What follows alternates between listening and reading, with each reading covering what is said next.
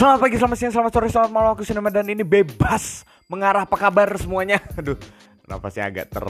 ter apa sih, terengah, nggak terengah juga sih ya gitu. Cuma kayak uh, capek gitu Karena hari ini juga sempat main volley gitu sama beberapa temen gitu ya. Baru pulang, terus baru selesai makan juga gitu. Lumayan capek, tapi nggak apa-apa gitu Karena menyambut, cie menyambut lagi gitu ya. Menyambut hari yang cukup spesial. Dan ini nggak tahu ya ini mungkin udah pernah terjadi atau belum. Tapi uh, eh, FYI kalau menurutku ini pertama kalinya dalam hidupku bahwa yang namanya Idul Fitri dan juga uh, hari kenaikan Yesus itu di hari yang bersamaan. Jadi minal aidin wal faizin, mohon maaf lahir dan batin dan juga buat teman-temanku yang beragama Kristen gitu ya. Selamat merayakan kembali kenaikan Yesus Kristus gitu ya di hari ini. Semoga bisa tercipta kedamaian juga ke toleransi umat beragama di Indonesia. Oke lanjut gitu Nem.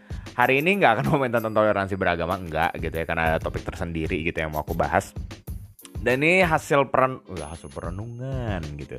Misalnya ini hal yang dari beberapa hari lalu gitu aku somehow dalam uh, kalau kalau misalnya di Kristen tuh ada yang namanya kayak saat teduh atau sih kalau di agama lain gimana ya gitu. Pokoknya ya intinya kayak merenung gitu kayak baca baca kitab suci gitu deh.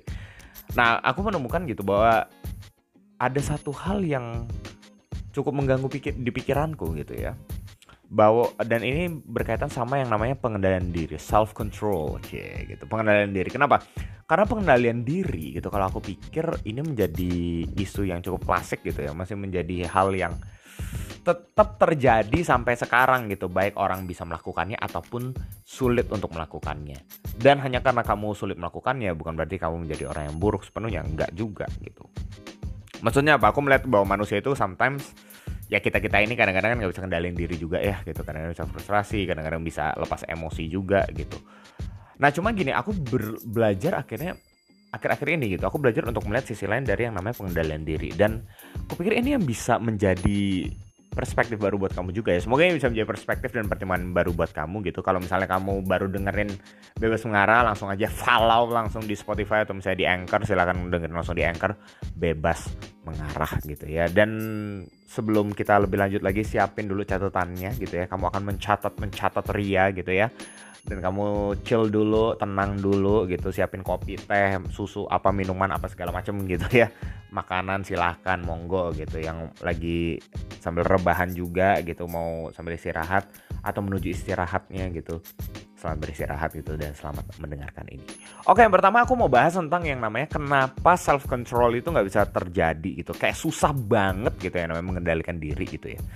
Dan aku pribadi juga pernah di masa-masa seperti itu gitu ya puji Tuhannya sejauh ini masih ya oke-oke aja sih gitu ya. Cuma kan nggak tahu ya ke depannya gimana gitu. Dan kata lain ini disclaimer dulu yang namanya self control itu menjadi satu dinamika kalau menurutku. Ada kadang-kadang kita bisa melakukannya but sometimes kita juga bisa losing our control gitu. Jadi kayak kita nggak bisa ngapa-ngapain lagi tentang diri kita gitu. Dalam arti uh, ya udah pissed off gitu yang kita udah muak mungkin gitu udah capek gitu. Deh it's okay kalau menurutku. Karena ya ya ya daripada ditahan kan ya gitu ya kan? Daripada dipendam gitu ya lebih baik di sometimes perlu untuk dikeluarkan seperti itu. Tapi tapi nah ini berkaitan sama yang malam ini nih. Uh, kenapa aku bilang malam? Karena rekamnya malam gitu ya. Kenapa aku bilang ini menjadi penting banget gitu? It, menurutku yang namanya mengeluarkan emosi atau ya dalam arti losing control gitu. Itu menurutku bukan menjadi akhir karena menurutku ya balik lagi kita harus kembali kepada self control. Kenapa? Karena ya kita suka hal seperti itu kan. Dalam arti gini kita itu kita tuh nggak bisa kelamaan sedih kita tuh nggak bisa kelamaan seneng kita tuh nggak bisa kelamaan marah kita tuh nggak bisa kelamaan ketawa bahkan gitu ya. Karena kan ketawa sampai perut sakit nah kita kan nggak enak kayak gitu ya. Pasti kita akan ada satu titik di mana kita akhirnya kayak menjadi seimbang lagi. Nah itu menurutku itu self control tuh seperti itu jadi ada titik yang controlled nah, ada ed-nya tuh di belakang. Jadi kayak ya balik balance lagi gitu. Nah karena itu menurutku yang lebih penting bukanlah bagaimana cara mengeluarkannya tetapi yang pertama gitu ya yang perlu kita at least yang aku dapat gitu ya. Kita perlu untuk ngelihat kenapa misal kenapa kita tuh bisa gagal untuk yang namanya ga, uh, mengendalikan diri. Kita gagal mengendalikan diri. Kenapa sih bisa kayak gitu? Nah, ini dua hal yang aku sorot. Yang pertama gitu ya. Ini alasannya dulu. uh, why-nya gitu. Kenapa kita gagal untuk mengontrol diri? Yang pertama yang aku lihat karena gini. Yang pertama ya. Karena kita tidak bisa menerima fakta bahwa ada hal-hal yang kita nggak bisa kontrol. Itu dulu yang pertama. Oke ini mungkin kamu sering dengar, tapi menurutku ini yang penting itu karena gini. Tendensi kita sering kali untuk mengendalikan diri kalau menurutku ya. Tendensi kita adalah untuk bisa mengendalikan semuanya. Dalam arti itu kayak satu hal yang kita bisa pegang, kita bisa kendalikan di tangan kita gitu. Dan itu berkaitan dengan semua hal, khususnya hal-hal yang kita sedang geluti saat ini. Misalnya kita sedang ada di apa ya misalnya kalau hari-hari ini apa sih? Ya let's say kita misalnya sedang sedang bekerja gitu atau misalnya kita sedang belajar dan kita mentok tuh misalnya gitu ya. Kita mentok di situ. Nah, karena kita merasa itu jadi tanggung jawab penuh dalam kehidupan kita, kita akhirnya berusaha untuk menaklukkan itu. Yang padahal mungkin, mungkin ya, mungkin menurutku itu karena apa ya sebenarnya kita nggak di situ udah simpel itu aja gitu dengan kata lain yang aku mau bilang sekarang adalah gini kita nggak sadar bahwa ada ritme yang kadang-kadang tuh kita emang nggak bisa ikutin dalam hidup ini at least untuk sekarang nah kalau menurutku itu yang juga kita perlu penting gitu loh ya Oke, ada orang-orang yang bisa bekerja, ada orang yang bisa belajar yang wah gila banget gitu. Ya, aku punya teman-teman yang seperti itu.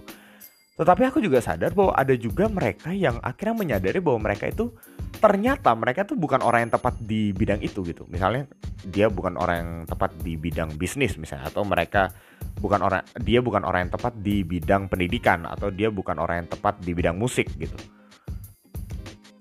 Ya tapi kadang-kadang akhirnya karena merasa Wah ini udah bertahun-tahun Nah pertanyaanku gini akhirnya Apakah sama bertahun-tahun kamu jangan-jangan gak sadar bahwa itu bukan bidang kamu gitu loh Nah itu yang pertama aku soroti. Jadi sometimes kita itu bisa lepas kontrol atau kita nggak bisa mengendalikan diri kita karena kita berusaha untuk mengendalikan semuanya untuk kita bisa menaklukkan semua hal yang sedang kita geluti saat ini, sedang kita jalani saat ini. Dan itu ada kaitannya sama alasan yang kedua juga. Yang kedua adalah aku melihat gini, pengendalian diri itu sering kali kita lihat sebagai suatu penaklukan di mana kita itu bisa menjadi orang yang hebat gitu. Dengan kata lain itu kayak achievement dalam kehidupan kita. Nah itu kata kuncinya gitu ya. Kalau yang pertama kata kuncinya adalah nggak menyadari ritme yang kita nggak bisa ikuti. Kalimat kunci maksudnya itu panjang banget bukan satu kata gitu ya. Yang kedua adalah kita nggak menya uh, kita melihat bahwa self control pengendalian diri itu adalah sebagai satu penaklukan yang terhadapnya kita itu bisa berbangga diri. Nah, kalau menurutku itu juga kurang tepat sih gitu. Dan itu akan nyusahin kita banget ya. Karena apa? Akhirnya jatuh-jatuhnya untuk pengendalian diri itu jatuh-jatuhnya untuk aktualisasi diri. Pengendalian diri itu jatuh-jatuhnya untuk pemegahan diri. Nah gitu loh. Ya kita perlu pleasure juga. Kita perlu untuk merasa nyaman di dunia ini. But sometimes kayak yang aku bilang juga di minggu lalu bahwa ya sometimes ada hal yang emang nggak cukup untuk membuat kita nyaman dan itu membuat kita akhirnya nggak bisa mengendalikan diri juga nah terkait dua hal itu akhirnya aku berpikir hmm apa ya langkah yang praktis gitu langkah yang simple gitu yang bisa kita kita ambil gitu ya? Nah yang pertama yang pertama nih yang pertama gini. Ini kamu bisa catat dulu ya gitu. Yang pertama adalah mengenali ritme apa yang bisa kamu ikuti. Itu catat dulu tuh. Tuh enak tuh. Tuh enak banget tuh. Tuh, udah? Oke, lanjut ya. Karena itu berkaitan sama yang poin yang pertama tadi, permasalahan yang pertama gitu. Aku melihat bahwa ya kalau ada ritme yang kita nggak bisa ikuti, berarti kita harus menyadari ritme apa yang kita bisa ikuti. Dengan kata lain yang aku mau bilang adalah gini, carilah hal yang kita bisa geluti dan kita bisa enjoy di sana. Kita bisa untuk ngikutin ritmenya, gitu ya. Dan menurutku lebih jauh lagi, lebih mendasar lagi adalah begini carilah hal yang kita di mana kita bisa memberikan diri kita di sana gitu karena ketika kalau tadi kita lihat permasalahan yang pertama menurutku poin yang dit sering ditonjolkan adalah ketika kita nggak bisa mengikuti ritme yang dari bidang yang kita sedang geluti mungkin pusatnya itu selalu ke diri kita. Aku harus bisa ini, aku harus bisa menaklukkan ini, aku harus bisa masak, aku harus bisa mainin ini selalu tentang aku gitu. Nah, kalau yang kedua ini gitu ya yang aku barusan bilang, ritme yang bisa kita ikuti adalah yang kita bisa enjoy.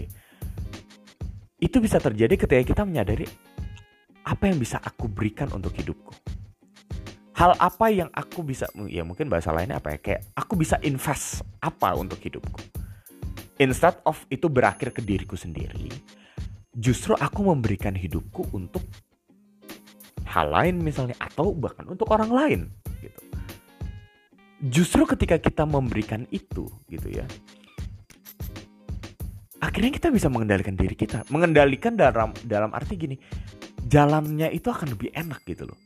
Ya kalau aku, aku, aku gini aku, aku mau share apa yang aku dapat dari ketika aku baca uh, baca Alkitab gitu ya. Ada yang satu kata-kata tuh yang aku ingat gini barang siapa berusaha mempertahankan nyawanya ia akan kehilangan nyawanya. Nah gitu loh. Jadi ya dan konteksnya itu bicara tentang kita memberikan hidup kita kepada ya Kristus gitu ya. Itu kalau di Alkitab ya gitu gitu. Maksudnya aku aku mau share gini. Berarti di Alkitab yang aku baca gitu sebenarnya itu mengindikasikan bahwa manusia itu atau at least orang Kristen itu dia akan mendapatkan hidupnya yang dalam arti dia bisa mengendalikan dirinya dan mengendalikan apa yang ada di realitanya sekarang. Ketika dia memberikan hidupnya untuk hal lain di luar dirinya gitu loh ya dalam hal ini ya Tuhan gitu ya tapi kalau menurutku juga gak hanya Tuhan gitu tapi juga kepada orang lain untuk bidang yang lain jadi pusatnya itu bukan diri kita lagi gitu loh dan yang kedua gitu ya itu tadi yang pertama. Jadi menyadari ritme yang bisa kita ikuti. Dan yang kedua adalah menerima kenyataan bahwa nggak semuanya itu sesuai dengan ritme yang kita mau. Nah itu yang kedua. Jadi kalau yang pertama gitu ya, yang pertama yang aku usulnya adalah menyadari ritme apa yang bisa kita ikuti. Dan yang kedua adalah menyadari nggak semua yang terjadi dalam kehidupan kita itu bisa sesuai dengan ritme kita. Kupikir itu membuat kita less frustrating gitu, less less frustrated gitu di tengah dunia ini. Kita akan nggak terlalu frustrasi gitu, karena apa? Kita menyadari bahwa ya memang ada hal-hal yang kita nggak bisa ikutin atau nggak semua hal atau mungkin ada beberapa orang yang nggak bisa sesuai dengan ritme kita. Sometimes yang membuat kita frustrasi itu kan sebenarnya apa? Karena kita menuntut orang itu bisa ngikutin ritme kita kan. Nah tapi kita lupa bahwa orang itu pun juga terbatas sebenarnya. Orang itu bahkan punya ritmenya sendiri dalam kehidupannya. Dia berusaha untuk ngikutin ritme kita tapi nggak menjamin bahwa dia akan sama ritmenya dengan kita. Dia akan betul-betul bisa ngikutin ritmenya kita. Nah aku pikir itu yang membuat kita bisa akhirnya menyadari, oh iya ya, nggak perlu capek-capek di sana. Justru yang lebih penting adalah apa? Mengarahkan dia, jadi sahabatnya dia, untuk bisa berjalan bersama dengan kita. Dan itu yang menurutku dua hal itu yang bisa menjadi pemikiran kita untuk kita bisa lebih mengendalikan diri. Jadi itu yang pertama. Yang uh, jadi ada dua itu ya. Yang pertama adalah menyadari bahwa rit ada ritme yang bisa kita ikuti. Dan dalam hal itu kita memberikan hidup kita untuk satu hal. Bukan hanya bukan untuk diri kita pusatnya tetapi untuk hal lain di luar diri kita. Karena ya itu aku pakai prinsip itu. Ketika kita berusaha mempertahankan nyawa kita kita akan kehilangan nyawa kita gitu. Dan yang kedua adalah menyadari bahwa ada ritme yang memang tidak bisa sesuai dengan ritmenya kita. Ada hal dunia ini yang ketika berjalan itu nggak sesuai dengan ritmenya kita. Dan ketika nggak sesuai dengan ritmenya kita ya udah. Mungkin itu saatnya kita untuk melepaskan. Itu ya. Ketika kita mau mendapatkan pengendalian diri sometimes kita harus melepaskan hal, -hal yang kita nggak bisa kendalikan. Di situlah kita bisa mengatur ritmenya lagi. Gak selalu berhasil, tetapi mungkin ini bisa jadi langkah yang sederhana untuk kita menyadari apa yang bisa dan yang nggak bisa kita lakukan. Ada yang bisa kita ambil, ada yang harus kita lepaskan. Oke, cakep banget penutupnya. Dan itu menjadi akhir dari semua yang aku mau ngomongin di hari ini. Thank you so much udah dengerin. Semoga ini bisa menjadi perspektif yang baru buat kamu, pertimbangan yang baru buat kamu. Dan gak terasa udah mau selesai season pertama dari Bebas Mengarah tinggal mungkin dua atau satu episode lagi aku lupa gitu ya tapi yang jelas ya bentar lagi gitu semoga ini bisa menjadi episode yang menarik juga gitu dan kita akan ketemu lagi beberapa episode ke depan dan setelah itu aku akan rehat beberapa waktu untuk memulai dan mempersiapkan season yang kedua. Thank you so much, tetap sehat, tetap semangat juga untuk menjalanin kehidupan kamu. Uh, tetap ya jaga kesehatan gitu ya. Aku nggak lupa untuk ngingetin kamu untuk jaga protokol kesehatan, ikuti semuanya dan ya sayangi sahabat-sahabat kamu, sayangi keluarga kamu. Mereka adalah orang-orang yang ada di sekitar kamu dan mungkin mereka orang-orang yang bisa menolong kamu untuk melihat ritme mana yang bisa kamu ikuti dan ritme mana yang nggak bisa kamu ikuti. Thank you semuanya. Akhir kata bebas sambil mengarah, bebas untuk mengarah, bebas mengarah. Bye bye.